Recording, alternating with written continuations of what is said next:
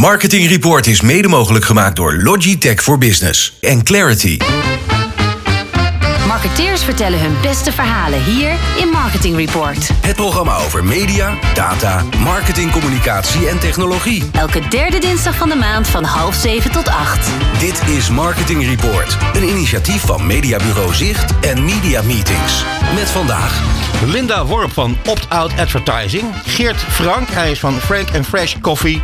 René Zeedijk natuurlijk van Zicht Mediabureau. Titus van Dijk van Tony Media. En Alwin Snippen van Greets. Dit is Marketing Report.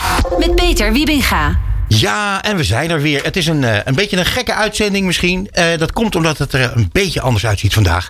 Uh, want namelijk mijn sidekick is vandaag niet Bas Vlucht, maar René Zeedijk. Ja, is er een hele uitzending leuk. bij. René, anderhalf uur mag ik erbij komen zitten. Nou, ik vind het gezellig hoor. Ja, zeker. En we gaan het pas straks merken hoe, hoe ongezellig het is dat Bas er niet is. Mhm. Maar wil je nog iets tegen Bas zeggen voordat we gaan beginnen?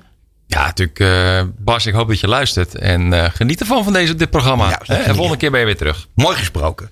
Linda, van harte welkom bij ons in de studio. Hi, bedankt. Goed dat je er bent. Opt-out advertising. Jullie zijn uh, splinter, splinter nieuw. Echt vers van de pers. Ja, en daarom vind ik het extra leuk dat je hier bent. Um, je, wij konden eigenlijk ook niet echt om je heen. Want jullie waren goed zichtbaar de afgelopen dagen. Ja, wat een aandachttrekkers. Knap gedaan. Ja, nou ja, goed. Kijk, dat zijn jullie ook wel een beetje aan jezelf verplicht, denk ik. Jullie zijn uit de ster voortgekomen. Ja. Uh, en ik vind het een, een beetje een. Uh, ja, jij bent dan een meisje, maar toch een beetje een jongensboekverhaal klinkt het een beetje voor mij. Um, wat is er precies gebeurd? Wat, wat doet. Uh, ja, wat is het verhaal? En wat, wat gaan jullie doen? Ja, het is eigenlijk wel een beetje een jongensboek. Hè? Het is echt um, één groot avontuur wat we, wat we beleven op dit moment. Um, ja, wat is opt-out advertising? Opt-out advertising kun je zien als uh, een uh, techniekpartner in een cookieloos tijdperk. En dat is natuurlijk nog steeds heel breed qua begrip. En eigenlijk kun je meer zien dat, we, uh, ja, dat wij ons richten op het opt-out inventory gedeelte van, van publishers. Ja. En we komen inderdaad bij Ster vandaan. Dus ja, een klein stukje achtergrond kan natuurlijk niet uitblijven. Nee, kom op. Nou, we, we, komen, we komen inderdaad uh, bij Ster vandaan, waar we in 2018 uh, te maken hadden met uh, grote veranderingen op, op het consentvlak, op de consentuitvraag ja. bij, bij, de, bij het online team. Daar zijn we naar een expliciete uitvraag gegaan bij de NPO, waarna 90% opt-out aangaf. Mhm. Mm -hmm. Met ik wil geen ja. uh, gepersonaliseerde advertenties. Uh, ik wil niet dat, mijn dat er advertentiekoekjes gebruikt worden. Um, uh, die, die de advertentie aanpassen naar mijn persoonsgegevens. Jullie maakten het overigens, vond ik even tussendoor, ja. de, het publiek ook heel gemakkelijk. Vond ik. Om, om, ja. om nee te zeggen. Klopt, maar dat heeft, ook, dat heeft ook een reden natuurlijk. Mhm. Mm -hmm. Vanuit Ster is het wel een, een, een voorbeeldfunctie die je in de markt hebt. Dus je moet ook gewoon goed voldoen aan wet en regelgeving. Mm -hmm. uh, daarnaast hadden we al, liggen we natuurlijk wel daarin onder een, onder een vergrootglas. Uh, waarbij we ook direct al een brief kunnen, konden krijgen ja. met hoe je het wel of niet moest doen. En toen we die aanpassing direct ook hebben doorgevoerd, zag je ook gewoon een, een heel duidelijk geluid van, van de bezoekers voorbij komen. Ja. En een hoop geleerd natuurlijk. Heel veel geleerd. Want we moesten heel snel overschakelen naar de mogelijkheid dat je die 90% waar je normaal gesproken nou ja, alle connecties kon hebben en alle data door de systemen kon laten lopen. Wat je ook gewoon gewend bent, waar Mhm. mm -hmm. de hele markt uh, naartoe ontwikkeld is. Moest je omgooien, anders was je 90% van de nou, online business kwijt. Ja. Ja, ja, dat kan natuurlijk niet. Dus daar, uh, daar zijn we heel hard aan gaan werken naar een oplossing waarbij we wel advertenties konden uitsferen, maar zonder dat je daar persoonsgegevens voor gebruikt. Mm -hmm. En toen der tijd was er niemand van onze partners uh, die, die, dat kon doen of die dat kon optuigen. Dus zijn we zelf aan de, aan de gang gegaan met uh, technologiepartner AdScience, die van origine een DSP is, die man-side platform. En um, zijn we met hun gaan kijken van wat kunnen we veranderen in jullie, um, in jullie techniek. Waarbij we ook uh, de ad-surfing mogelijk maken. Maar zonder dat er persoonsgegevens door de, door de keten heen Ja. lopen. En daar zijn we volop uh, mee in ontwikkeling gegaan. De afgelopen twee jaar als het ware. Uh, en, en hebben we verder uitgebouwd met mogelijkheden. En hebben we heel veel geleerd. Hebben we ook heel veel geleerd met uh, met de mediabureaus en de adverteerders die samen cases op gingen bouwen. Want wij waren ook, nou, moesten ook nog kijken wat voor waarde nou die no-consent inventory had. Ja.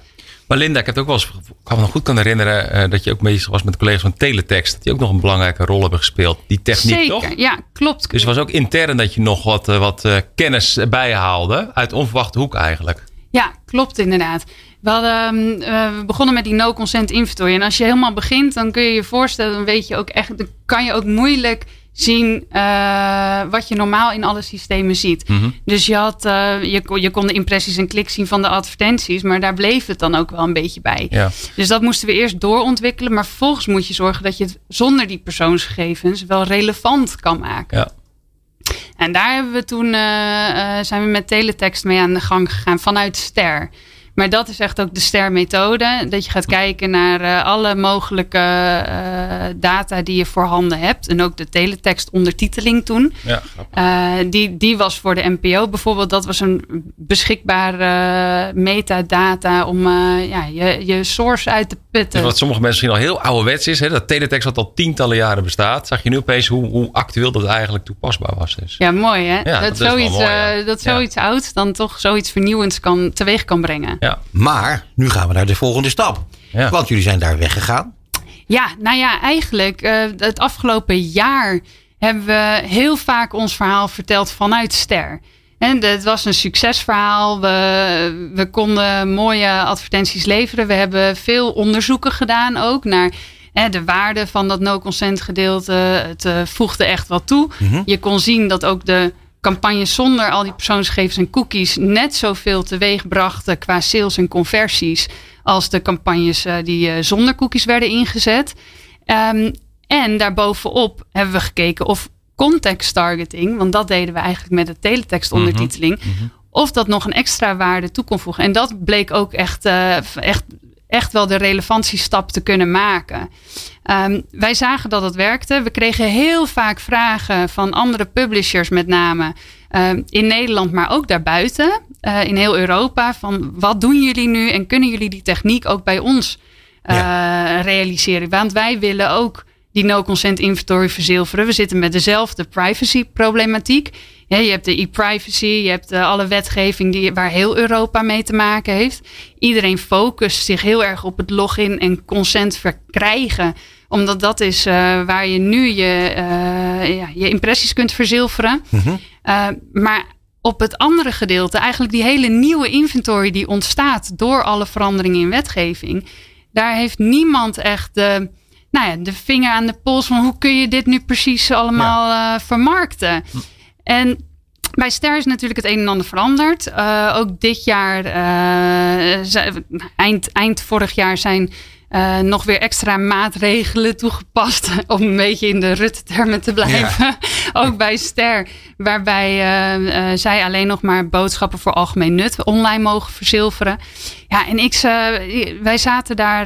dus je op. baan kwam op het spel eigenlijk? Mijn baan kwam Toch? op het spel, ja, ja zeker. Ja. Dus wij zaten daar en ook met mijn compagnon Tom van Bentheim. Die zat van ja, het zou toch zo zonde zijn dat we al deze ervaring hebben opgedaan. We weten precies hoe we de, dit soort inventory moeten vermarkten. We weten uh, ja. wat voor producten en techniek je daarvoor nodig hebt. Als dat zomaar nu verdwijnt, omdat wij hier niet meer zitten en we mogen het niet aanbieden aan andere partijen, want Ster mag alleen dienstbaar zijn aan de NPO. Ja. Dus we hebben gekeken om dat uh, vanuit Ster op te pakken. Nou, dat bleek echt een te lastige noot om te kraken. De, je, en daar toen zit was daar opt-out advertising. Precies. Ja. nou, wat, ik, wat ik heel graag wil weten is, jullie hebben daar natuurlijk uh, heel veel geleerd en dat is mooi, want dat kun je gebruiken in je eigen onderneming nu. Ja. Maar hoe zit het met de technologie? Ja, de technologie uh, vanuit Ster was een uh, technologiepartner AdScience. Mm -hmm. Daar hebben we, die hebben heel veel ontwikkeld. Um, die hebben niet mee kunnen nemen, neem ik aan. Nou, die techniek lag bij AdScience. Mm -hmm. Dus echt het ad-surfing gedeelte, uh, die hebben we wel mee kunnen nemen. Um, niet vanuit Ster, maar vanuit AdScience. Ja, okay. uh, vanuit Ster was inderdaad een contextmodule uh, opgebouwd. Die hebben we niet mee kunnen nemen. Dus alles, al het mooie wat teletext ooit heeft gebracht en waar ja. we heel veel nou ja, uit hebben kunnen leren, hebben, we, hebben wij niet in de hand, helaas. Maar hebben we wel zelf opnieuw op kunnen bouwen. Dus we hebben een hele techniek zelf op kunnen bouwen. En ook kunnen integreren in de bestaande techniek die AdScience had. Mhm. Ehm, en dat is nu één geworden in, in opt-out advertising. Ja, en, gaan jullie... Oh, sorry, René, ga je gang. Nou, ik ben is het nou display en video of ook audio? Of, of over welke mediumtype gaat dit nu? We hebben het over zowel display als online video als audio. Oké, Ja. juist. En die laatste is natuurlijk ook heel interessant Ja. met eh, alle ontwikkelingen op dit moment op audiogebied, waar Ja. volgens mij ook vanavond nog een spreker over is. Zeker, en wij zijn natuurlijk zelf nu gewoon sprekers via Ja, audio. ook niet dat, ja. ja. Helemaal. hey, eh, wat- gaat dit betekenen voor publishers? Ja, ik hoop heel erg dat eh, publishers met ons erbij een, echt een, een partner in de hand kunnen nemen, waarbij ze optimaal hun eh, potentie kunnen benutten. En ze hebben natuurlijk heel veel potentie. Heel veel zitten te focussen op, op logins, op, eh, op het consent-gedeelte. Maar het gedeelte waar geen consent voor wordt gegeven, echt die opt-out inventory, Mhm. daar hebben ze zelf vaak geen focus op. Nee, en daarmee kunnen wij ze bij de hand nemen. Kunnen wij zeggen, eh, wij zorgen de techniek, de implementatie. We weten precies wat je nodig hebt. eh, hoe dat er moet komen te staan. Hoe je jouw inventory ook relevant kunt maken. En dan kun je het of zelf aanbieden. Of je kan het ook door ons laten aanbieden. Ja. Eh, wat ik me dan zit af te vragen. Jullie zijn met een flinke knal zijn jullie de markt opgegaan. Ja.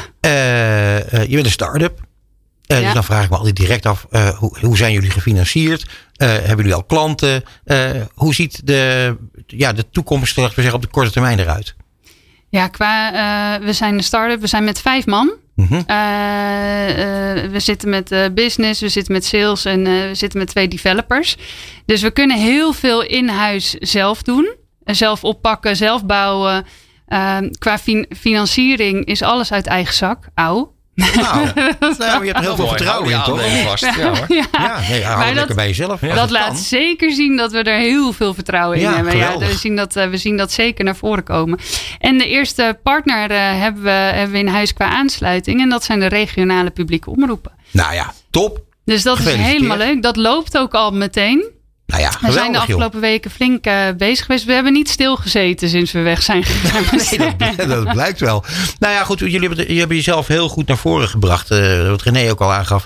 Jullie waren, jullie, je kon echt niet om jullie heen. Nee. Dus dat eh, eh, gefeliciteerd daarmee. Gefeliciteerd ook met jullie, eh, met jullie eerste, eh, ja, best wel grote, grote klanten. Ehm, ja, en ik denk eigenlijk, als je kijkt naar wat jullie, eh, ja, jullie kunnen effectiever werken, minder waste, kostenreductie, want dat, dat, dat speelt ook. Ja, zeker. Met een kostenreductie heb je een heel goed punt te pakken. Want dat is inderdaad heel belangrijk in deze markt en in de online markt. Heb je heel veel over eh, met transparantie te maken, programmatic markt.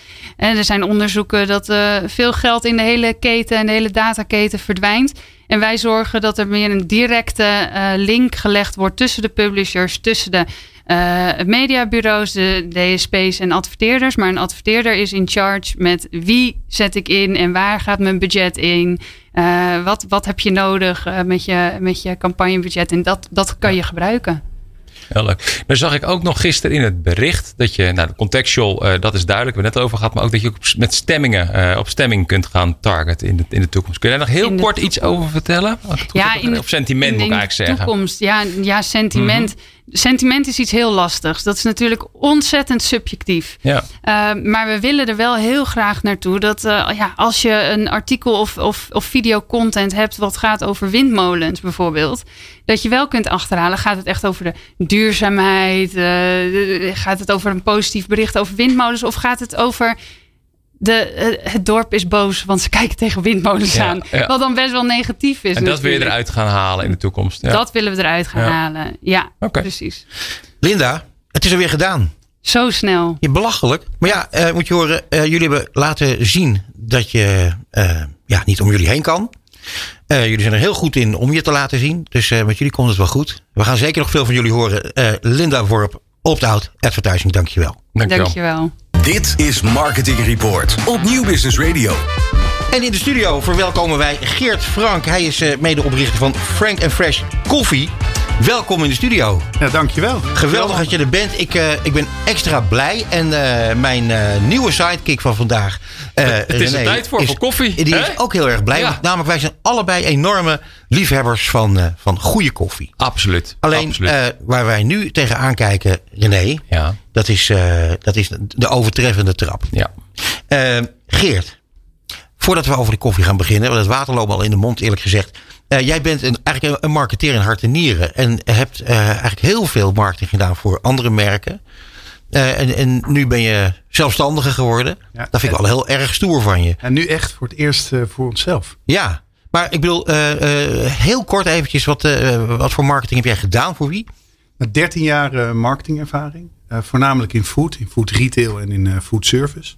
bij hele grote partijen zoals Ahold en Friesland Campina de laatste jaren bij een familiebedrijf uh, Koninklijke Smilde. En uh, sinds 1 april, het is geen geintje, uh, met twee anderen ja. voor onszelf begonnen. Frank and Fresh Coffee. Ja, ik vind, ik vind het een, een buitengewoon goed verhaal. Ik vind het stoer van je, want heel veel mensen durven dit uh, absoluut niet. Ik kan me het overigens voorstellen, voordat, nog maar eventjes, vlak voordat we aan die koffie gaan beginnen. Dat het wel, laten we zeggen, jouw verleden wel handig is bij de lancering van dit product. Ja, het is een grote droom die, die uitkomt. Ja. Al Ja. mijn hele leven lang maak ik onwijze gave producten, campagnes, uh, advertisement voor allerlei grote partijen. En vooral niet voor mezelf. Ja, En, en, en uh, dit idee is een paar maanden geleden ontstaan. En ik ben uh, heel gelukkig dat ik twee mooie companen heb gevonden die hier aan wouden meedoen. En met z'n drieën zijn we als de drie musketiers aan de gang gegaan. Maar Geert, hoe, hoe kan je al zo snel zo ver zijn? Als ik nu al zie wat je allemaal hebt op, op site, wat je hier mee hebt genomen, dan ben je al echt al heel ver. Hoe kan dat? Ja, doordat het ook wel passie is. En het Ja. is niet een soort start-up die je op je zolderkamertje begint met... we gaan eens proberen met een bruin doosje en over een half jaar gaan we een design maken. Mhm. Um, we hebben uh, met twee companen, met uh, Mark Kluiver, dat is de hoofdredacteur en eigenaar van het uh, bekendste koffieblad van Nederland, Koffie Thee Cacao.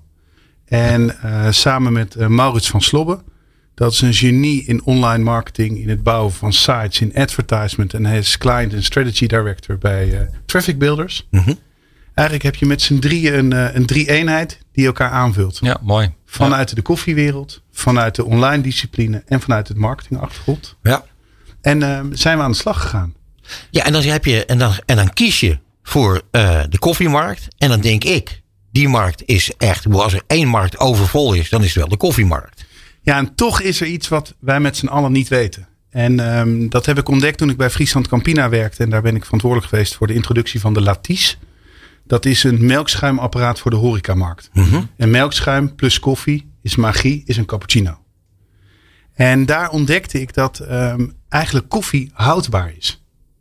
En koffie nadat het gebrand wordt, is het vier weken daarna het allerlekkerst. En na vier weken is het al gemiddeld 20% van de smaak kwijt. Na vier weken? En als je dan bedenkt dat de koffie die 90% van Nederland in de supermarkt koopt, daar minimaal al twee maanden ligt. Dan drinken we met z'n allen oude koffie. En dat is gewoon niet lekker. Er zijn ook die cupjes, sorry, ik heb cupjes thuis. De, je kent ze wel van bekende merk. Uh, dat is ook al echt uh, maanden oud of zo? Of, uh... ja, dat is nog veel slechter. Oh ja, serieus? Ja, dus het spijt me echt. gek dat ik dat heb. Ja, ja, naar, dus 38 laten we straks na de uitzending eens praten. Want we hebben hier inmiddels ook machines aan. Oké. Okay. Um, als je lekkere koffie wil drinken. En dat is het gat wat wij zien. Je ziet uh, de laatste jaren, maar de versnelling is enorm uh, in, uh, in de coronaperiode. Mm. Als je thuis werkt, wil je ook gewoon thuis lekkere koffie drinken. Ja. Precies. Zo is het. En je ziet thuis mensen met een glimmend apparaat op, op het aanrecht staan. En die staan daar trots bij. En drinken dan oude koffie. En dus wat nou als je de keten zou omdraaien?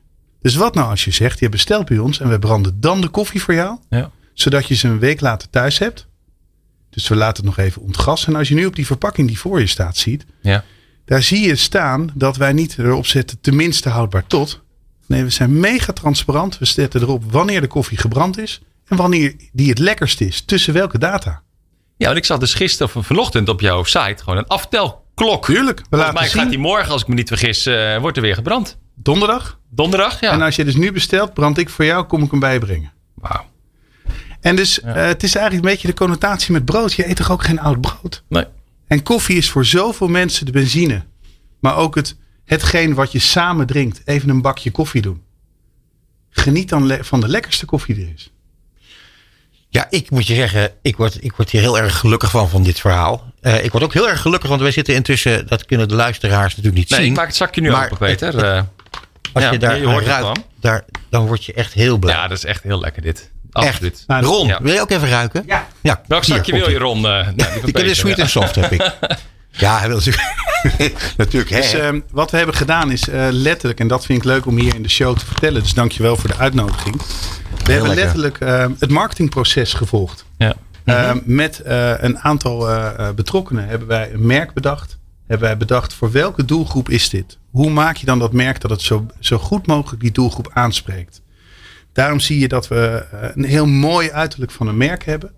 En dat het echt draait om smaak en om kwaliteit. ja, Want ik denk dat jij thuis koffie koopt omdat je het hartstikke lekker vindt. ja, zo En het. natuurlijk voldoet het dan aan randvoorwaarden. Dat het koffie is die eh, goed is voor mens en voor planeet. Dat er boeren een eerlijke prijs hebben betaald. En dat je, en dat is niet onbelangrijk, dat je binnen drie kliks het bij je thuis hebt. En dat het door de brievenbus past. Ja. Nou, dat, vind, dat laatste vind ik eerlijk gezegd ook wel een, eh, een belangrijk ding. Want ik moet altijd, eh, ja, meestal wordt mijn koffie bij de buren bezorgd of niet.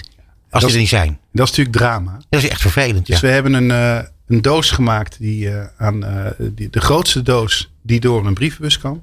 En daarin hebben we een custom-made zak gemaakt, zodat je de, het meeste aantal gram in een briefbusverpakking kan, eh, thuisbezorgd kan krijgen. Ja.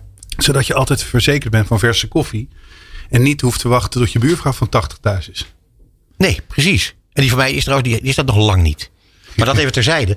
Ehm, het, is, het is dus, eh, je hebt gekozen voor gebak. Je hebt gekozen voor eh, enorme kwaliteit.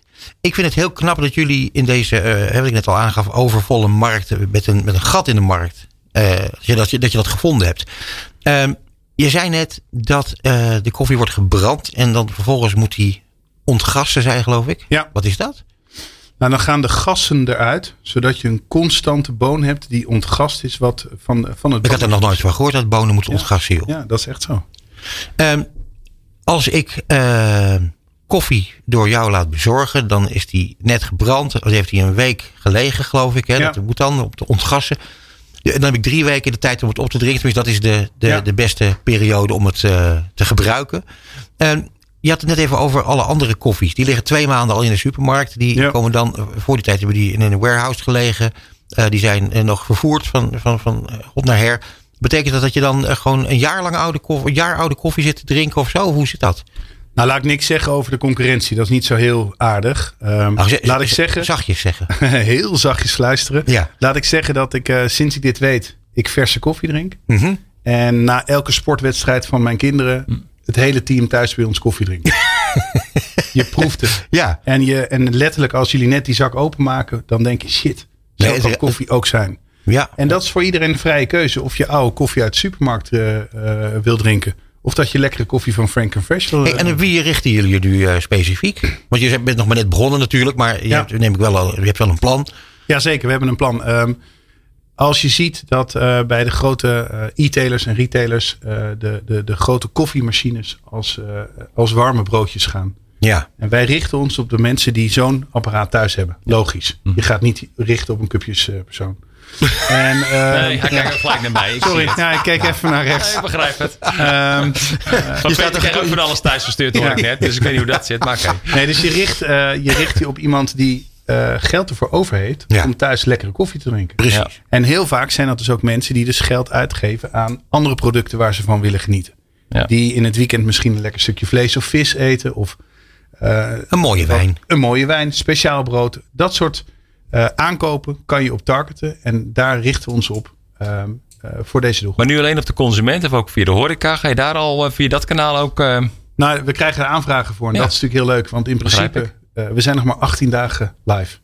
En we hebben eh, als een start-up ook allerlei hindernissen nog. Met, eh, met hoeveel zakjes kunnen we verzenden per dag. En ja. het loopt mede door dat wij ons ondersteund zien door allerlei partners. loopt het echt als een dolle. En ehm, eh, op 1 april waren we in een studio hier ietsje verderop bij 538 en bij Radio 10. En letterlijk vanaf kwart over zes 's ochtends stroomden de eerste bestellingen binnen. Ja. En dat is natuurlijk leuk om te zien dat het dan niet je moeder is. Bedankt mam dat jij de eerste was. het is natuurlijk hartstikke tof dat je dan ook bestellingen ziet van Precies. mensen die en dus nu niet zien. bestellingen natuurlijk. Hè? Dat is Ja, helemaal en, en daar gaat het natuurlijk om. Daar gaat en, het om. Ja. en dan is nu de vraag van eh, nu te gaan investeren en het groter te gaan maken. En het, eh, het is puur ook eh, wat ik heel, eh, heel, heel tof vind. eh, met drie mannen een heel uitdagende route nemen. Want het is natuurlijk hartstikke uitdagend om te gaan ondernemen. En om naar de KVK en de notaris. En, en ook te dromen. Ja. Daarin de hindernissen iedere dag te ondervinden. Wat gaat er goed en wat gaat er niet goed. Maar so far, eh, na 18 dagen, zijn we hartstikke trots Ja. staat er een merk waar we heel trots op zijn. En specifiek voor deze uitzending. Een merk wat echt vanuit marketingoogpunt is gemaakt en, eh, en is gecreëerd. En wat dus aanslaat. Ja. Ik heb nog wel een vraag even over het vervolg. Want ehm, eh, hè, jullie hebben eh, aardig wat airplay gehad. En eh, nu weer. Ik denk dat eh, onze luisteraars ook tot jouw eh, doelgroep behoren. Maar wat, eh, wat is het vervolg? Wat, eh, waar gaan we jullie tegenkomen? Nou, we beginnen nu met een, eh, eh, eh, een online uitrol met online advertisement. Om eigenlijk, we hebben een enorme strakke site. Waar je eigenlijk heel erg gericht op het, het verkoopmoment. Daar mensen naartoe te halen. Vervolgens gaan we adverteren offline. Om mensen daar naartoe te halen. Ja. We, zijn nu, eh, we hebben een actie opgetuigd met een van de grootste verkopers van koffieapparaten. Slim. In de maand mei, als je een apparaat koopt van dat merk eh, bij die e-tailer, eh, krijg je een jaar lang gratis koffie erbij. Nou, zo rollen we het langzaam uit. Wij kunnen kiezen uit funky en fruity. Ja, Sweet en soft. staat. Ja. Raw en robuust, bold en brave. Dat zijn dus geen eh koffieboonnamen, maar dat zijn smaken waar jullie op hebben gericht. helemaal juist. En dat is heel bewust gedaan. Wij denken dat de doelgroep een associatie wil hebben met de naam. Met, voor een smaak. Mhm. En die, sweet, die funky en fruity is bijvoorbeeld een lichtere, fruitiger koffie. Ja. En ik denk dat als ik aan jou moet uitleggen welke koffie je wil, dat je het interessanter vindt, de connotatie, de kleur geel. En dat je daar een gevoel bij hebt, dan dat ik je ga vertellen welk percentage boon uit welk land erbij, eh, erin zit. Het, is gaat, heel om, duidelijk, het gaat om het resultaat. Ja. Nou, ik, eh, eh, laten we zo afspreken, Frank. Wij gaan, eh, wij gaan proeven. Ja. Eh, het, ik nodig bij deze nodig ik René uit om bij mij te komen proeven thuis. Ja, Want ik heb wel een eh, machine. Eh, ja, en dan, en dan heb jij binnenkort ook een machine. Ja, en zo kunnen we werkt het. allemaal En bij mij Fresh gehoord, komt er die een actie. Dus eh, ik ga het in de gaten houden. Ja, dat komt hartstikke goed voor elkaar. Geert, ontzettend bedankt voor je komst naar de studio. Wij gaan koffie drinken en ik wens je ongelooflijk veel succes met, eh, met jullie onderneming. Nou, dankjewel mannen. Marketing Report. Zicht op media met René Zeedijk. Ja, René. Ja, Peter. Kijk, Het is even wennen zo. Het is een andere setting, andere volgorde. Opeens is het 7 uur. Ja, maar wel ik, leuk hè, ik, ik vind het hartstikke leuk. Ja. Eh, welkom Ja, dank je. in het radioprogramma. Ehm, nou ja, dit is wel altijd een hoogtepunt. Want eh, we gaan het eh, nieuws weer duiden. Tenminste, jij gaat het Ja, nieuws duiden. Leuk. En ik vind het een, een bijzondere dag vandaag. Want we gaan het heel veel hebben over dezelfde dingen vandaag. Dat klopt. We gaan Nou. het een paar keer hebben over onderzoek. Er zijn heel veel onderzoeksresultaten Ja. bekend geworden eh, in de afgelopen dagen. En, en dat vind ik altijd leuk en, en graag om, eh, om eh, met iedereen te delen. Kom Ehm, maar op. Ja, allereerst vanmiddag was een hele presentatie van de VIA met Deloitte, oftewel de Digital Ad Spend 2020. Ja. Twee keer per jaar wordt dat eh, bekendgemaakt. Nou, een paar dagen geleden dus kon je het al een beetje nalezen. Digital is de enige wat is gestegen in de afgelopen jaar eh, qua mediumtype. Eh 6% om precies te zijn. Eh, was natuurlijk vorig jaar nog een beetje de vraag: wat gaat er gebeuren? Gaat digital eigenlijk wel plussen? Nou, dat is dus wel gebeurd, 6%. Eigenlijk alles, alle kanalen, de search en social, video, alles is gestegen. Behalve digital outdoor. Eh, die heeft natuurlijk erg veel last gehad van het feit dat we met z'n allen binnen zitten en niet Ja. buiten zijn. Dus ook digital outdoor heeft er last van gehad. Maar verder heeft de digital het nog best goed gedaan. Nou, met name blijkt het ook wel dat er heel veel performance campagnes zijn geweest natuurlijk afgelopen jaar. Hè? Ja. In, in dat soort tijden zie je toch, eh, hebben we het vaker over gehad, veel, veel vraag naar performance gestuurde campagnes. Eh, E-commerce natuurlijk, hè? partijen die, die hun eigen webshop of bij Amazon of Bol onder de aandacht willen brengen. En, en dan zie je ook terug dat search weer een enorme stijger is geweest. eh, Hè? Google Search. En, en ook de as- afgelopen jaar dus weer. Totaal van de, moet ik even goed kijken, 2,34 miljard euro wat afgelopen jaar naar digital is gegaan. Daarvan gaat nou nagenoeg 50% naar search. Dus, het is, ja, dus kun je nagaan wat er bij Google gebeurt hè, elk jaar. Eh, Dat is alleen maar Nederland dan al waar 50% naartoe gaat. Dus laat staan bij de rest. En, uh, Wanneer zou dat nou eens een keer gaan veranderen, René? Nou, dat gaat niet snel veranderen hoor. Daar zijn ze zo ontzettend machtig. Je hebt natuurlijk nog Bing. Maar ja, dat is echt geloof ik 8% of zo uh, wat ernaast nog staat. Uh, ja. Naast de markt. Dus dat is echt niet veel hoor.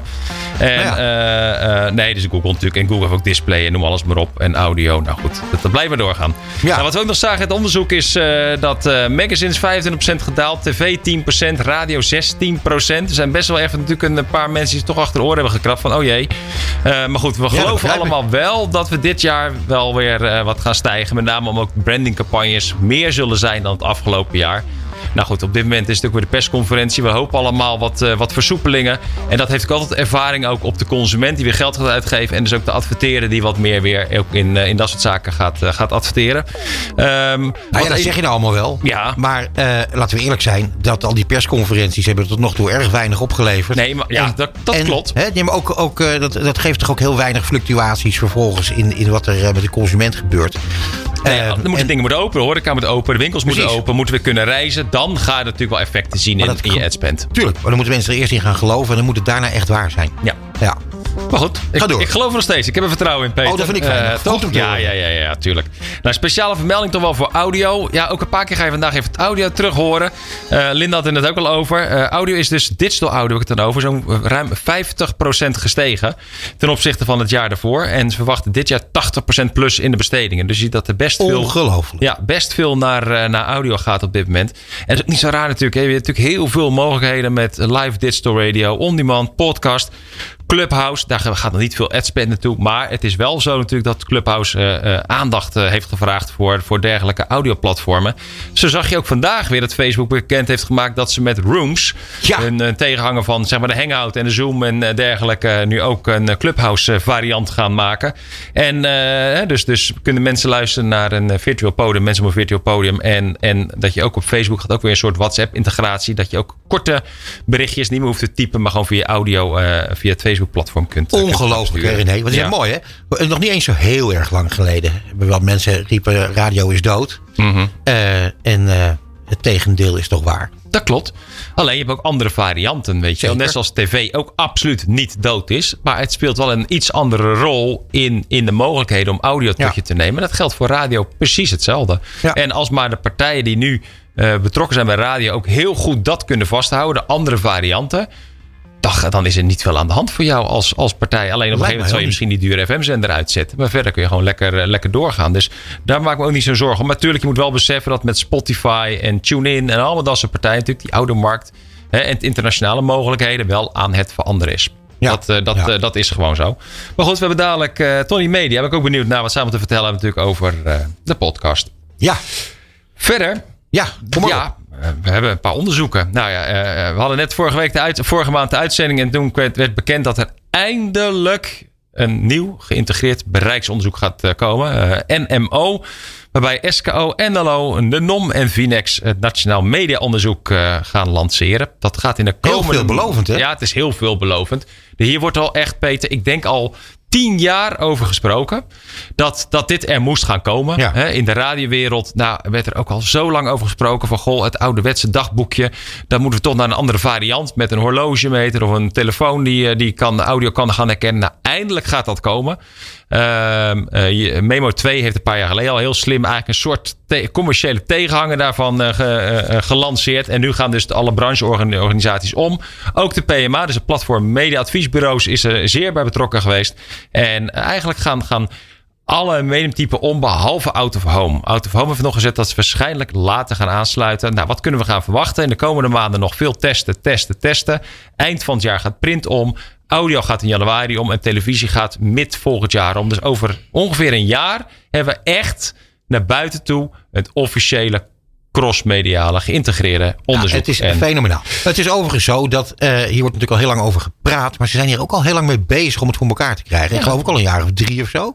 Nou, dat is drie jaar geleden als het echt officieel hebben geroepen. Maar Ja. ik denk al bijna tien jaar geleden dat eigenlijk de eerste besprekingen zijn gelanceerd. Mhm. En eh, eigenlijk doordat steeds maar weer nieuwe stakeholders bij, bij de, de brancheorganisatie, bij de uitgevers of eh, nieuwe ontwikkelingen, heeft alles wel soms enorm eh, vertraagd. Eh, corona heeft wel op bepaalde punten het ook weer versneld gelukkig. Dus dat is weer een, een voordeel geweest van corona. Dat er nu eindelijk een klap op is gegeven. Dat partijen heel gaan goed. betalen. Want er gaat veel geld in om. En wat je gaat krijgen is dat je eigenlijk online eindelijk eens een keer goed onderzoek komt. Want dat is er gewoon nog steeds nog niet. Mhm. Dat je eigenlijk bij panelleden de router, dus jouw, jouw internetapparaatje, wat ervoor zorgt dat je het internet op kan, daar gaat gemeten worden. Waardoor heel goed zichtbaar wordt waar je allemaal naartoe surft. En eh, radio en televisie wordt gemeten met- aan de hand van een telefoon in een app. Waar continu eigenlijk je microfoon open staat van de panelleden uiteraard. Mhm. Dus het is wel bekend om te herkennen naar welk radiostation of eh, tv-signaal je kijkt. Of andere vormen van audio en, eh, en video. Dus echt op die herkenning. Dat betekent dus wel een passieve herkenning. Zoals nu radio een actieve herkenning heeft. Oftewel Ja. je moet actief een, een kruisje zetten bij het dagboekje. Ga je dus naar een passieve herkenning toe. Dus een andere vorm. Maar daardoor kun je wel alle mediakanalen herkennen. Ook de internet-only radiostations. Die nu nog niet in je dagboekje staan. Maar die vallen onder het kopje overig. Dus we Ah, gaan. Beter meten. eh, meer op de seconde. Waardoor je dus ook niet eens in een maand. Maar eens in de week radiocijfers gaat krijgen. En misschien in de toekomst wel dagelijks. Ja, Hè? in principe kan dat natuurlijk. In principe kan het. Het is bij radio niet zo belangrijk, want het is niet zo spannend. Hè. Er zijn niet zoveel dagelijkse ontwikkelingen Mhm. en enorme verschillen. Tenzij er echt een grote ramp is, dan zul je radio 1 en dergelijke zien misschien pieken. Maar anders valt het allemaal wel mee. Dus daarom zal dat naar wekelijks gaan. En ook bij tv hou je ook het kijkkastje. Dus je krijgt kijkkastje en een panel eh, eh, onderzoek in de, in de vorm van een, van een app. Ah, het is toch weer fenomenaal, joh. Weet je, waar ik zo blij mee ben, Nou. is dat eh, het, het fenomeen crossmedia hiermee eh, klopt. een, een heel, heel goed meetbaar ding gaat worden. Juist. En eh, we hebben de, de Cross Media Awards, die, Mhm. die eh, de beste crossmediale cases, et cetera, eh, belonen.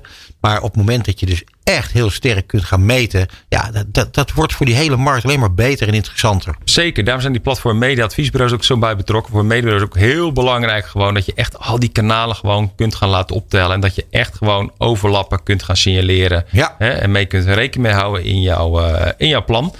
Dus eh, voorlopig nog schaduw draaien. En over ongeveer live is echt alles komt dan eh, eindelijk samen. Ja, En ik Hebben zei het nog al, eh, ja, ik heb nogal wat meer. Ja. het, het streaming audio onderzoek. Ik zei al van veel onderzoek, veel audio. Ja. het NLO heeft nu ook in kaart gebracht.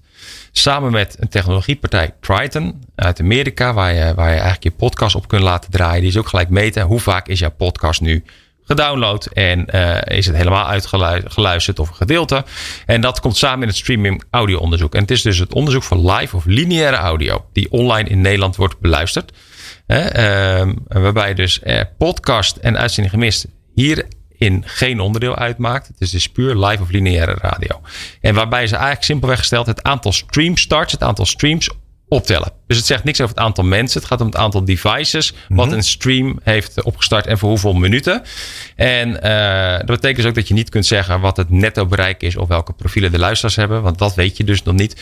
Maar wat je wel kunt zien bijvoorbeeld is dat Radio 538 in tegenstelling tot het reguliere luisteronderzoek het heel erg goed doet. Die staat nummer 1 in dit overzicht. eh, eh, Kijk. Met zo'n eh, 2,1 miljoen gestarte streams in een week tijd. Nou, dat Zo. is toch echt aantal hoor. Nou. Met gemiddeld nou, zo'n bijna twee uur waar dan wordt, naar wordt geluisterd. Dus dat, dat is ook door corona natuurlijk wel een positief effect. Dat mensen meer gewend zijn om thuis online te luisteren. hè, Via je Sonos of via je laptop Ah, joh, of hoe dan ook. game changer. Dat is het zeker. Dat is, dat Ja. is absoluut zo, ja. Dat is absoluut zo. Dat, eh, dat, eh, dat, eh, en totaal, dat is echt een aantal. 29,6 miljoen uren hebben wij per week. Luisteren wij naar, naar lineaire radio. Er zijn gemiddeld, als je nu, nou, voor mij zit de piek, 's ochtends om 11 uur, luisteren zo'n bijna 180.000 streams tegelijk actief.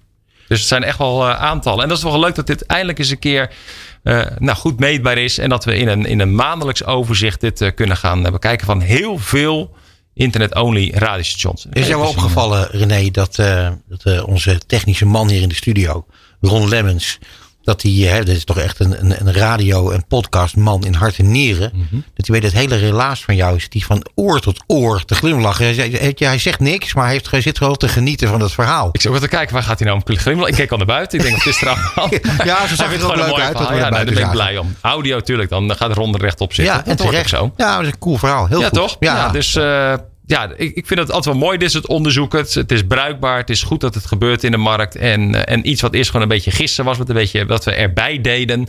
Dat zie je nu toch wel. eh, dat het echt wel eh, serieuze business aan het worden is. En dan begin je met onderzoek.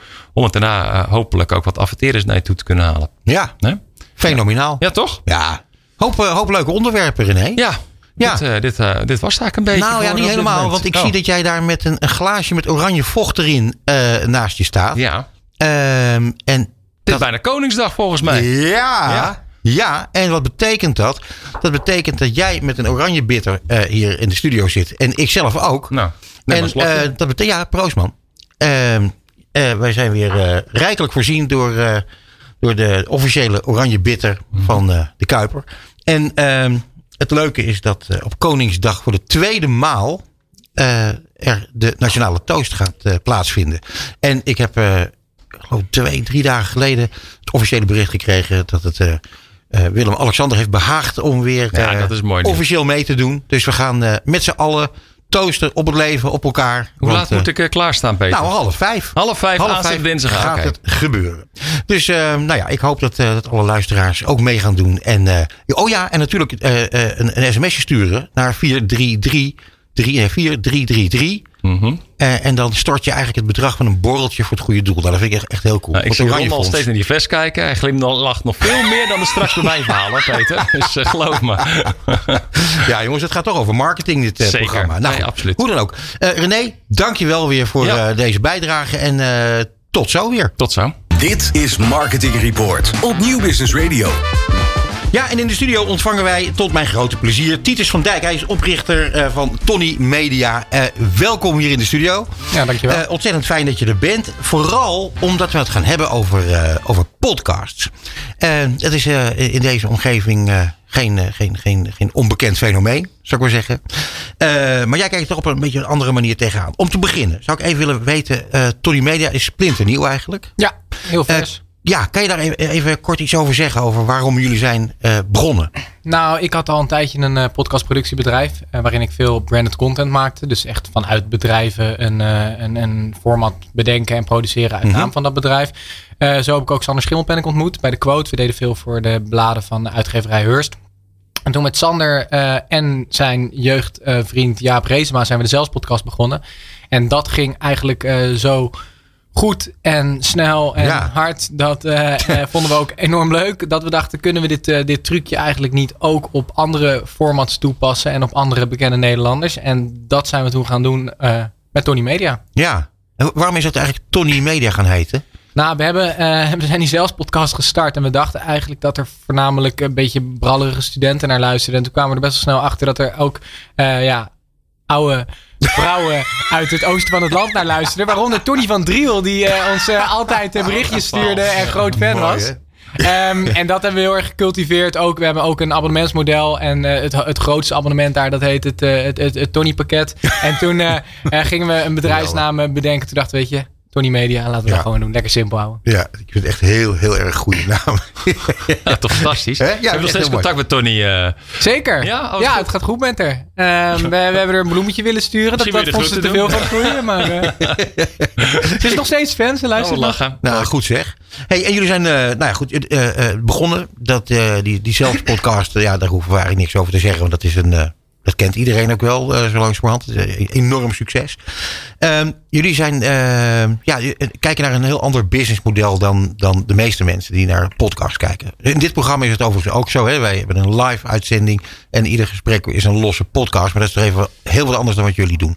Ja, nou ja, bij, kijk, we hebben met de Zelfs podcast twee businessmodellen. Dus eigenlijk een, een businessmodel waar we adverteerders in de podcast fietsen. Uh, met oftewel een, een, een, native spotje. Dus dat we het echt verweven met de content. Mm-hmm. Of een, uh, een pre-roll, mid-roll, post-roll. Dus eigenlijk een, een, spotje wat je voor, midden of na de aflevering um, afspeelt. Dat is eigenlijk meer vooraf, genomen, uh, vooraf opgenomen radiospotje. Ja. Um, daarnaast hadden we ook een... Um, uh, ja, een betaalmuur, zoals we dat uh, noemen. Waarachter je exclusieve content kan luisteren. Een, een nieuwsbrief krijgt. Uh, mee kan doen in een groepschat. daar, dat is ook eigenlijk weer een heel apart businessmodel. Um, en in de afgelopen maanden zijn we ontzettend gaan verbreden met, met Tony.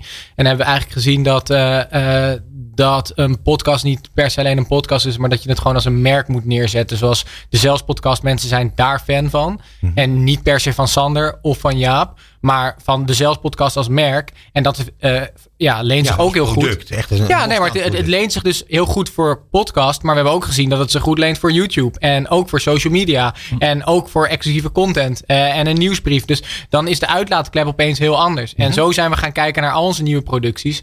Van eh, dit kan een podcast zijn. Maar als we dit goed als merk neerzetten, kan dat heel veel meer zijn. En misschien is het over een paar jaar wel veel succesvoller als eh, YouTube-format. Of als Instagram-kanaal. Dan zie je Ja. nu dat het voor adverteerders ook makkelijker is om zich daarmee de keuze te maken. Daarmee wil ik me- mij identificeren of niet. Nu je het meer als een merk neerzet. Nou, wat, ja, want je biedt gewoon meer mogelijkheden. Dus eh, wij werken ook met eh, adverteerders die eh, vaak een visuele doorvertaling willen. Dus Ja. die, die, die zeggen van ja, het is denk ik heel leuk om dit eh, nu in de podcast te doen. We doen ook wat billboarding, maar we willen eigenlijk ook een social doorvertaling. Dus kunnen we ook wat op wat Instagram kanalen doen. En als wij dan eh, het creatieve formatje wat we voor die reclamecampagne hebben geschreven voor de podcast ook leuk doorvertalen naar eh, social of Ja. product placement op YouTube. Ja, dan levert dat wel meer waarde.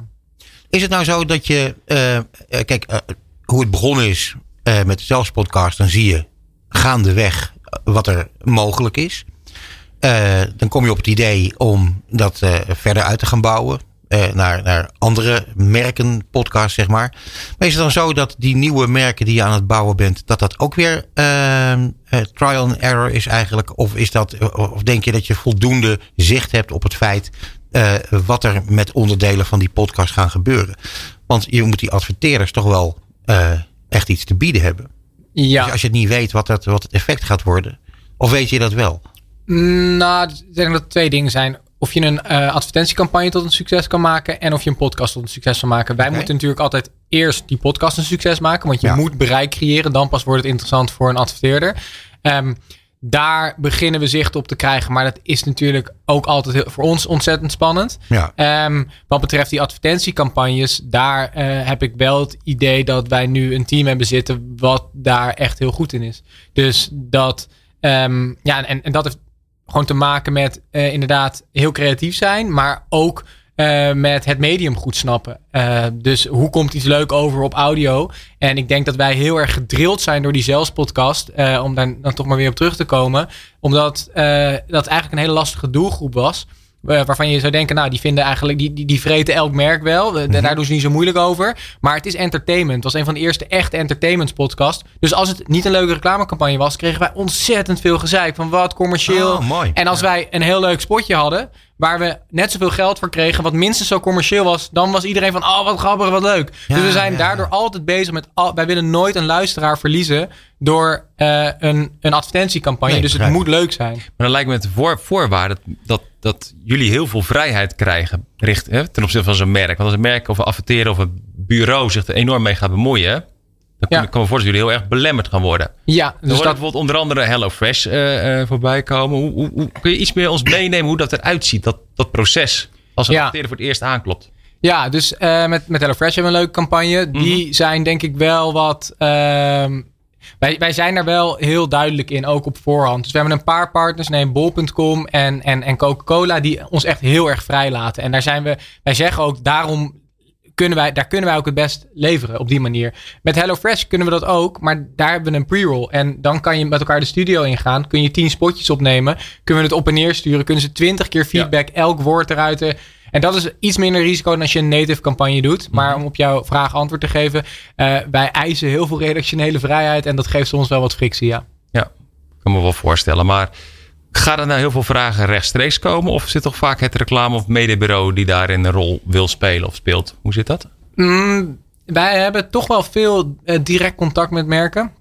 Ehm, w- wat wij zelf heel fijn vinden. We, we merken nu ook dat de, weet je, ook een Coca-Cola waar we altijd direct contact mee hadden. Die haken dan op een gegeven moment gewoon alsnog hun mediabureau aan. Ehm, ja, we, we, zien, we, we zien het nu. Nou, ik denk alsnog dat we meer direct contact hebben met merken. Maar er komen wel steeds meer mediabureaus bij. Ja, oké. Hey, en wat gaat er nou gebeuren met, eh, met eh, de podcast? Want eh, jullie, jullie geven zeg maar een beetje het goede voorbeeld. Zou ik, dat zo, mo- zo mogen zeggen? Nou, dankjewel. Ja, nou goed. Eh, nou ja, jij, jij zei ook eerder dat, eh, dat je vindt dat heel veel partijen, bijvoorbeeld mediabureaus, eh podcast er maar een beetje bij doen. Eh, dat betekent dus eigenlijk dat ze niet zo heel erg goed begrijpen wat podcast eigenlijk is. Of wat de kracht van podcast eigenlijk is. Of wat je met een podcast eigenlijk allemaal zou kunnen. Nou ja, het gevaar van een eh, van podcast, maar ook het, het hele vette van het, het medium, is dat het zo makkelijk te produceren is.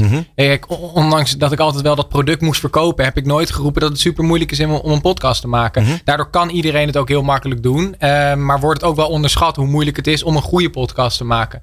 En wij hebben gewoon net een andere aanvliegroute gekozen dan nou, een videoproductiebedrijfje of, of een reclamebureau of een mediabureau. Omdat wij eh, begonnen, wij beginnen altijd vanuit podcast. Wij zeggen wij zijn heel erg goed in podcast en wij doen video en, en social. Dat doen wij erbij. Ja. Eh, nou, en er zijn gewoon heel veel bedrijven die de afgelopen jaren eh, juist podcast erbij zijn gaan doen. En dat Ja, is een, een, een goed recht, want dat is precies hoe wij omgaan met social media. Ja. We doen het er even bij. Maar dat betekent wel dat je niet een expert bent op dat, op, op, op dat vlak. En waar moet een goede podcast aan voldoen?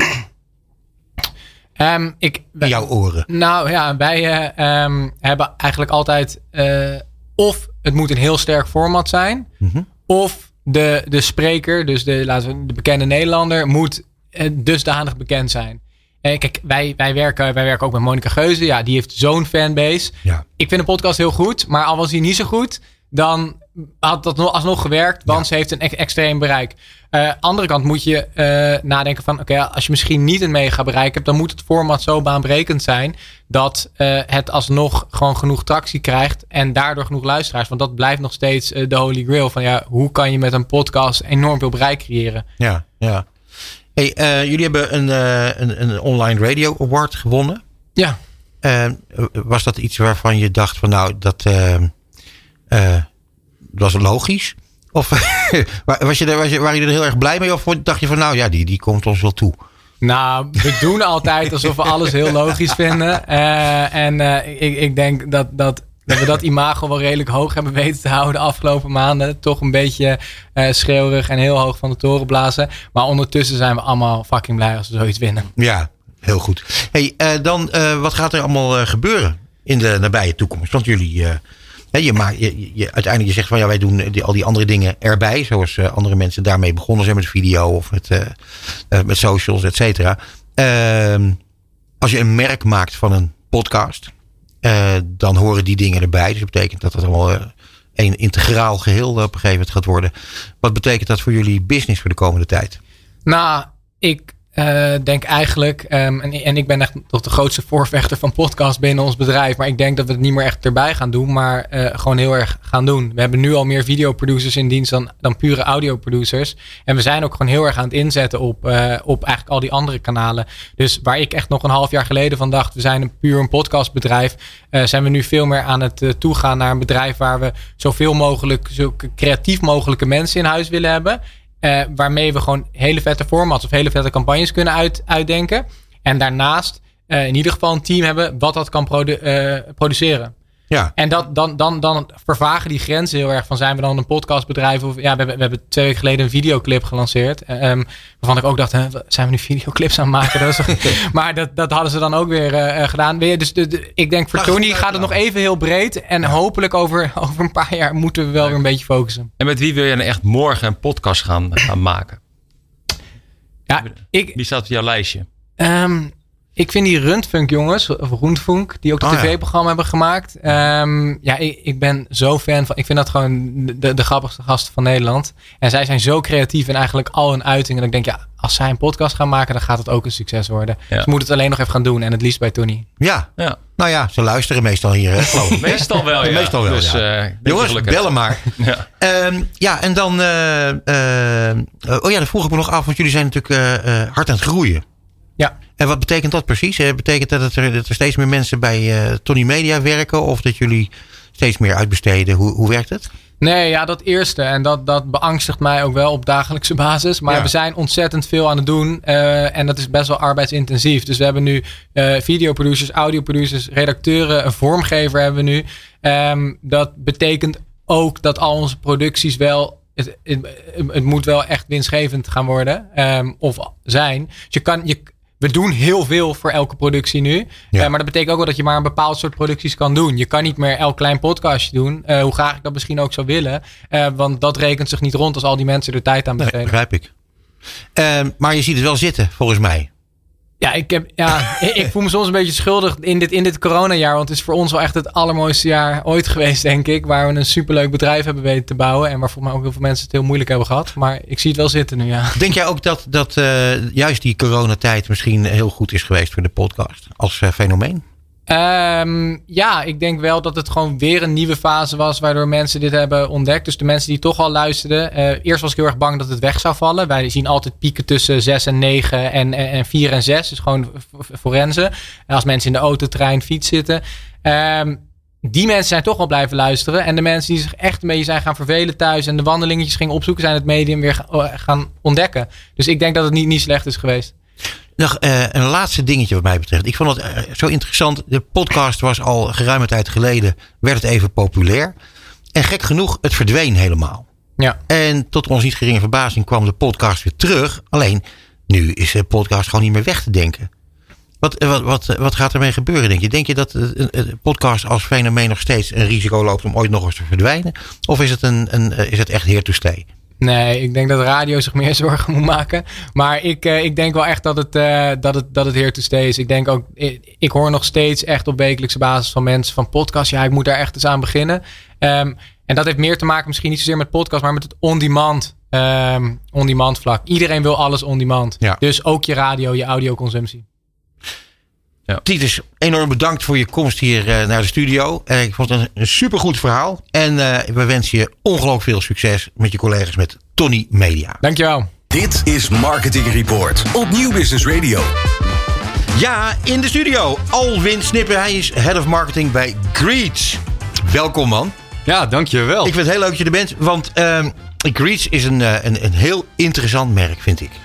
En eh, waarom vind ik dat? Omdat ik opeens weer een, eh, een schitterende campagne voorbij zag komen. Eh, en daar gaan we over praten, onder andere. Maar eerst eventjes, zou jij misschien even jezelf willen introduceren, Alwin? Ja, dankjewel. Ik eh, ben dus Alwin, Head of Marketing bij Greets. Ik werk inmiddels al zeven jaar bij Greets. Ehm, eindverantwoordelijk voor het merk, online marketing en CRM en loyaliteit. Hiervoor heb ik vijf jaar bij Wekamp gewerkt als online marketing. Altijd in die achtergrond gewerkt. En eh, ja, wat ik zo leuk vind aan Greets is eh, dat het een ontzettend groot groeiend bedrijf is geworden. In de afgelopen zeven jaar waar ik eh, een onderdeel van ben. Nou, sterker nog, jij hebt alle stadia binnen dat bedrijf doorlopen. Dus het komt er feitelijk op neer dat jij Greets gewoon heel groot hebt gemaakt, eigenlijk. Nou, als, als ik alles op mezelf zou betrekken, dan zou het wel, zou ik me al mijn andere greetjes tekort doen. nee, oké. Maar goed, het is wel zo dat jij het bedrijf van binnen en buiten hebt leren kennen. En daarom op de plaats zit waar je nu zit. Niet waar? ja, absoluut. Het is eh, ontzettend eh, ja, trots gevoel over waar we nu staan en hoe het in de afgelopen zeven jaar is gegaan. Ehm, toen ik binnenkwam, eh, de founders waren er nog. Ehm, hoe gaan we nog verder doorgroeien? Dat was het thema. Mhm. Nou, dat is er gebeurd. Ehm, we zijn opgeschaald naast dat we al heel veel kaartjes verstuurden op dat moment. We hebben een bloemencategorie gelanceerd. We hebben chocolade, ballonnen, drank ook geïntroduceerd. Ja. En alles bij elkaar heeft ervoor gezorgd dat wij ehm, Nederland attenter maken. Ja, precies. Ik vond dat, ja, dat een, een, een aandachtsplatform. Zijn wij een attent volk eigenlijk, eh, Alwin? Nou, als je even gewoon uitzoomt eh, op Europees niveau. Ik weet voor mijn tijd eh, bij Greets eh, hebben ze ook eh, geprobeerd om Greets te vermarkten in andere landen. Ja. En dan blijkt het eh, bij andere landen soms best eh, lastig te kunnen zijn. Hè? Bijvoorbeeld omdat bepaalde landen wat minder in hun DNA hebben. Maar eh, Nederland daarentegen is zeker zeer attent. Oh ja, vanuit, vanuit kaartjes sturen is dat natuurlijk iets wat veel gedaan wordt. Mhm. En ehm, dus wij zijn zeker opgegroeid met de wenskaart vanuit de klassieke zin. Hè? Dus Ja. dat je naar de winkel toe gaat, een kaartje koopt, gaat schrijven, naar de brievenbus doet. Maar tegenwoordig, sinds 2004 zijn wij al begonnen hiermee. Ehm, is de online opmars daarin eh, al goed geadopteerd. Juist. Grappig, hè? Ja, heel grappig. Ja. Ja. Misschien hangt dat een beetje samen van, met, de, met de vrijgevigheid van de, de Nederlander. Denk je niet? Dat zou heel goed kunnen. Ja, dat denk ik eigenlijk wel. Ja. Ehm, maar ehm, de campagne, wil ik even naartoe. Want je, je, je hebt aangegeven, jullie zijn een, een, een aandachtsplatform. Dat vind ik een, vind ik een hele mooie term. Eh, je, je faciliteert in feite dat mensen elkaar aandacht kunnen geven op een hele prettige manier. Ehm, vertel even iets over die nieuwe campagne. Die is net van start. Ja, hij eh, is als het goed is nu voor heel veel eh, Nederlanders in het straatbeeld ook te zien. Ehm, de bushokjes. Ja, en, ik heb hem gezien. Ja, super. Ehm, als je eventjes teruggaat naar het begin. Wij zijn zes maanden geleden gekeken naar waar willen wij ons merk verder dieper verankeren. En wat daarin eh, terecht kwam is, we willen gaan kijken hoe kunnen wij onze belofte meer gaan claimen. Er gaat niets boven aandacht. Mhm. En we hebben gekeken naar hoe kunnen we dat zo goed mogelijk uitbeelden eh, in de driehoek waar Greets in werkzaam is. Mhm. Voor je beeldvorming. Greets is niet zeg maar klassieke webshop zoals een bol.com of een Amazon. eh, waarbij je dus iets bestelt en ook naar je ontvanger toe gaat. Maar bij Greets bestel je als besteller en het komt bij een ontvanger aan. Kortom, eh, wij vervullen zeg maar een bepaalde rol hier tussen. Wij hebben getracht om dat zeg maar in een creatief concept zicht, inzichtelijk te kunnen maken. En ehm, we zijn op zoek gegaan naar verhalen waarin een verzender een intentie heeft om iemand oprechte aandacht te geven die dat op dat moment nog nooit heeft gedaan. En dat ehm, inzichtelijk te maken. En eh, zo zijn we uitgekomen op twee hele sterke verhalen. Een eh, vader, Gazem heet hij, die eh, was ontzettend, of is ontzettend trots op zijn zoon. En eh, die heeft dus vervolgens een kaart geschreven. En eh, die is bezorgd. En dat hebben wij allemaal inzichtelijk gemaakt. Dus het verhaal, het ontvangstmoment. Ja, en dat ontroert mensen. Als Ja. jij een kaart krijgt die ehm, zo is geschreven uit hart, dan, dan, dan raakt dat mensen. En dat hebben we in beeld gemaakt. En eh, dat eh, laten wij nu zien aan eh, alle Nederlanders om geïnspireerd te raken wat aandacht geven doet. Maar dit is een echt verhaal. Ja, absoluut. Dit is geen gecast of een acteurwerk. Dit is op zoek gaan naar de pareltjes waarvan wij zeggen: ja, dit past bij ons merk. Ons merk bestaat uit vijf merkwaarden. Mhm. Eh Eén daarvan is echt. Dus het moet ook een echt verhaal zijn. Ja. Ehm, vier andere pilaren is eh, dat creatief is, inspirerend, attent en verbindend. Ja, en daar valt het allemaal in samen. Ja, ja, ja. Maar ik vind, nou ja, weet je, ik, ik vind het interessant. eh, een, een echt verhaal. eh, een pareltje. Maar goed, wa- waar begin je? Hoe kom je aan het pareltje? Ja, we hebben een. Heel veel mensen, je moet, het moet het ook wel heel knap in elkaar zetten. dat, dat mensen niet denken dat het, dat het gescript is. Nee, ik ben heel blij dat ik een enorme keuze heb al aan, aan kant-en-klare kaarten eigenlijk. Om eerlijk te zijn. Ja, Ik ook- ja, dat ben jij weer. Greets ben ik dan weer hoor. ja, maar, maar, eh, ik wil eerst- toch eerst even graag ja. weten hoe dat daar zit. Waar haal je dat pareltje vandaan? Ik bedoel, hoe werkt zoiets? Ja, wij ehm, werken samen met een, eh, een eh, creatief content bureau. Dus eh, NS Content. Mhm. Ehm, zij eh, zijn natuurlijk gespecialiseerd in journalistieke redactie. Ja. En dat betekent ook dat zij op zoek gaan naar verhalen die super bij ons passen. Dus zij eh, hebben, eh, die zijn hier naar op zoek gegaan. Dus Ja. zij, zij kijken Ik naar... deze man gevonden. Wij zijn uiteindelijk eh, hier eh, bij terechtgekomen bij deze mensen. En dan wordt er gevraagd, wil je hier meedoen? En sta je voor open om, om je zoon of je vader, dat is een andere case, om diegene te verrassen met een kaart. En ja, daar zeggen ze ja op. En ehm, vervolgens geven we aan, oh, wat gaaf. En dan zeggen we natuurlijk nog niet alles. Want het moet natuurlijk wel een echt ontvangstmoment zijn. Dus het moet nog wel verrassend blijven. Ja. Je moet niet alles weggeven wat er precies gaat gebeuren. Hey, en ehm, nou, die campagne loopt. Eh, ik vind het er in elk geval goed uitzien. Ik, eh, ik ben heel benieuwd hoe het, eh, hoe het ver- vervolg eruit ziet. Ehm, kun je nu al iets zeggen over? Want je loopt nu drie weken geloof ik of zo hè? Ja, we zijn eind maart geleden ge- gestart. Ja. Ehm, nou, we leven nu op 20 april. Dus wat dat betreft. Weet je al iets? Nou, Je krijgt reacties denk ik. ja, we krijgen zeker reacties. Ja. Eh, wat heel goed zichtbaar is. eh, Je kijkt er blij bij. ja. Ja, leuk. ja, nee, zeker. Dat Wat- moet, dat moet ik zeggen, weet je, moet weer radio zijn, snap je? ja, ja, Ja. nee, goed. eh, wat je uitspreekt, wat je ziet. Ja. Wat, wat mooi is om te zien, is, is dat wij Nederland al op een heel hoog niveau hebben bereikt. Even in het aantal mensen. Ehm, daarnaast blijven we natuurlijk doormeten. Over, zien we ook dat mensen geïnteresseerd zijn om ook daadwerkelijk naar Greets toe te gaan. Om te kijken van, hey, wil ik ook gaan verrassen? Al met al is dat voor deze campagne een korte termijn doelstelling die eh, wat minder belangrijk is dan een lange termijn doel. Want we willen mensen in Nederland raken met deze boodschap. Zodat ze geïnspireerd raken en daarmee dus ook Greets gaan overwegen. Al met al zien we dus al eh, zeker eh, hele mooie stijging in bezoekersaantallen die wij eerder niet hadden verwacht. Geweldig. Hey, en eh, is dit nou helemaal spe- eh, speciaal gericht op, de, op het versturen van kaarten? Of gaat deze campagne straks ook over het versturen van bloemen of eh, chocola? Als je gaat kijken naar onze boodschappen, dan is het één stapje boven de producten. Zoals je ziet is dat het echt om aandacht geven draait. En of het nou gaat om een kaartje sturen of een Ah. bloemetje sturen of chocolade. Zodra je bij Greets komt, dan kan je de keuze vervolgens maken. Hoe ga ik die aandacht geven? Exact, exact. Ja, goed gedaan. Maar hoe vaak zie je nou dat, dat iemand er iets bij bestelt bij het kaartje? De bloemen, de chocola, et cetera. Hoe vaak gebeurt dat? Ja, dat gebeurt best wel veel. Ehm, maar het is natuurlijk ook afhankelijk van hoe vaak je zelf al verrast. Je Ja. moet je voorstellen, als jij tien keer iemand eh, met een kaartje al eh, aandacht geeft, dan ga je niet tien keer ook daar altijd een bloemetje of altijd een chocolaatje sturen. Dus het verschilt heel erg aan ook de ontvanger hè, eh, waar je dat eh, voor wilt doen. Ja. We zien wel dat ehm, hoe dichter iemand bij iemand zit, dat er ook een wat eh, groter eh, eh, nou, cadeautje zeg maar, bij wordt gedaan. Ja. Ehm, maar het is echt ook afhankelijk van de ontvanger. Vrouwen vinden bloemen ook leuk om te ontvangen. Dus dan wordt er natuurlijk ook weer een bloemetje bij gedaan. Ja, absoluut. Al met al ehm, zien wij hè, in het domein van aandacht geven. De top drie behoeften bij aandacht geven. Is natuurlijk het fysieke bezoeken. Hè, Ja. echt, echt er zijn.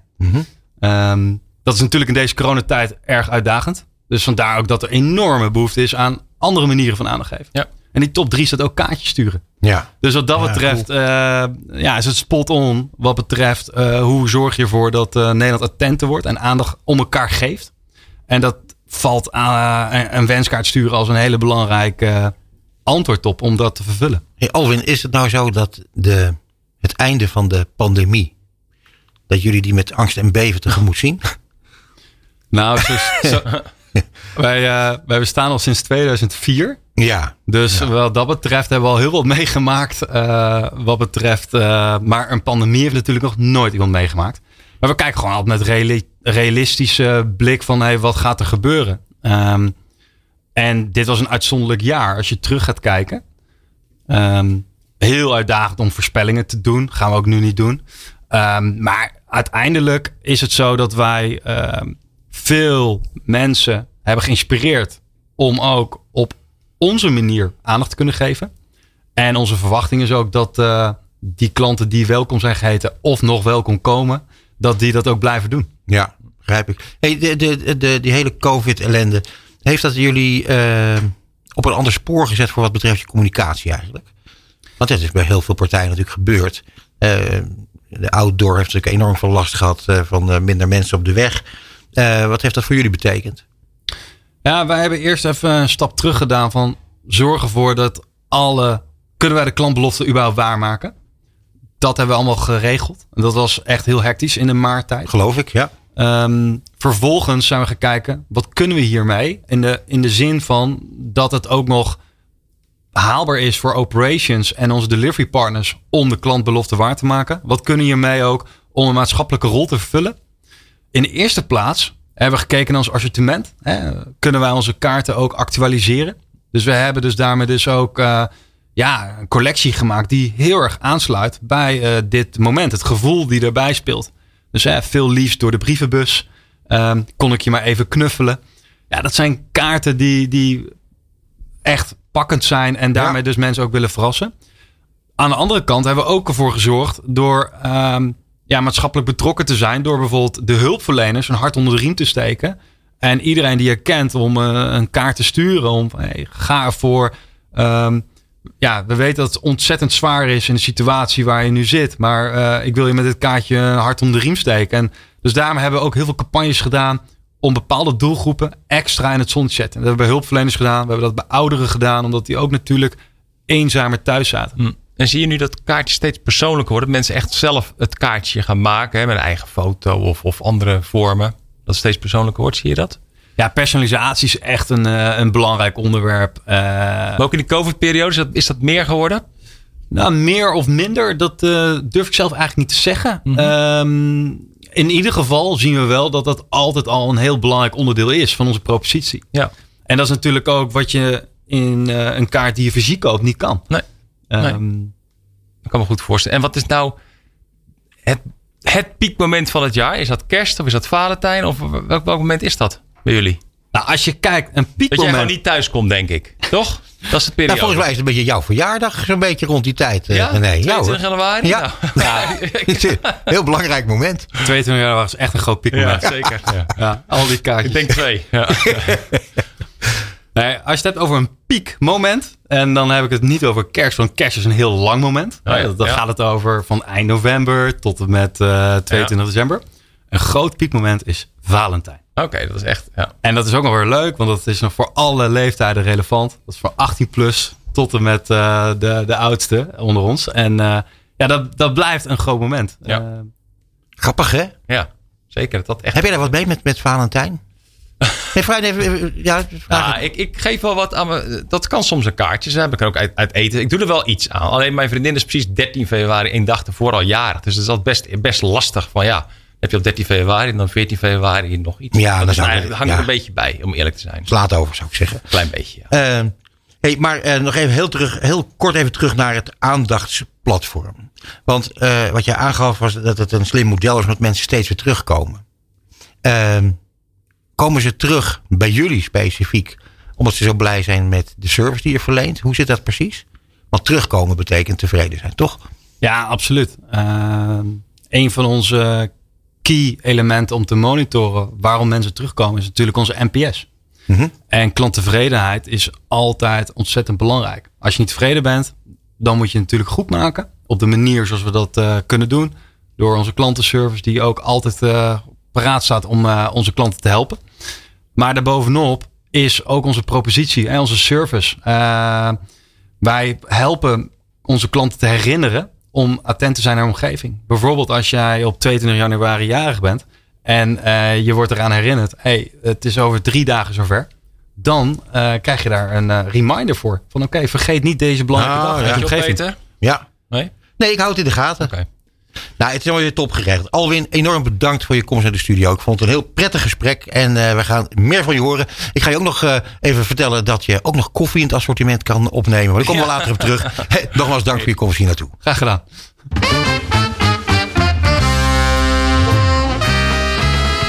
René! Ja, nou zeg. op. Voor ik vond, gevlogen. ja, hè?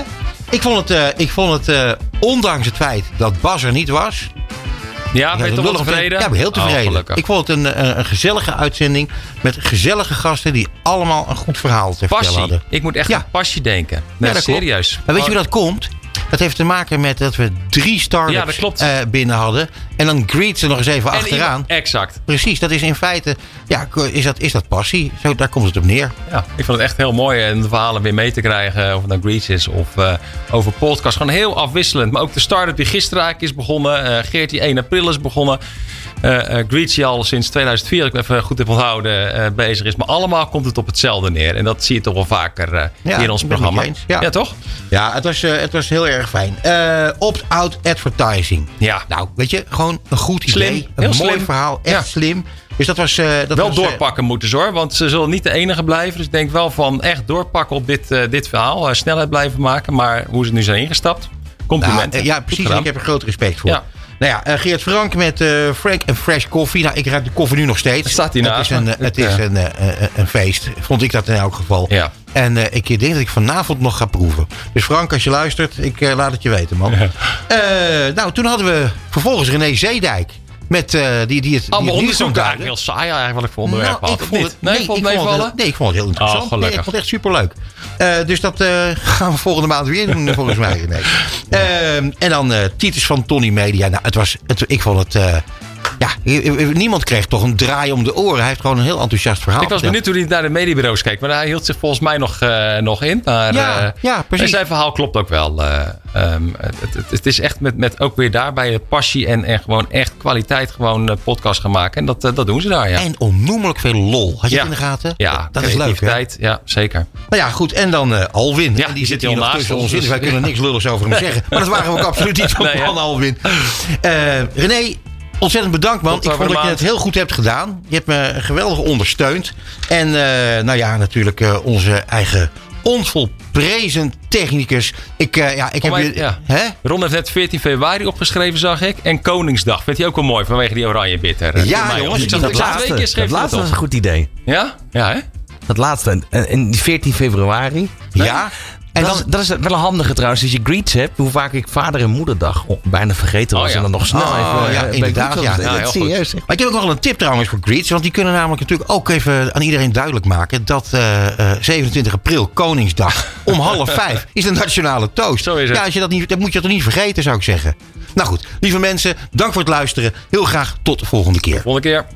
Tot zover Marketing Report op Nieuw Business Radio. Alle gesprekken zijn terug te luisteren via podcastkanalen als Spotify, Duke of Apple Podcasts. Komende maand zijn we er weer op de derde dinsdag van de maand. Tussen half zeven en acht uur. Tot dan.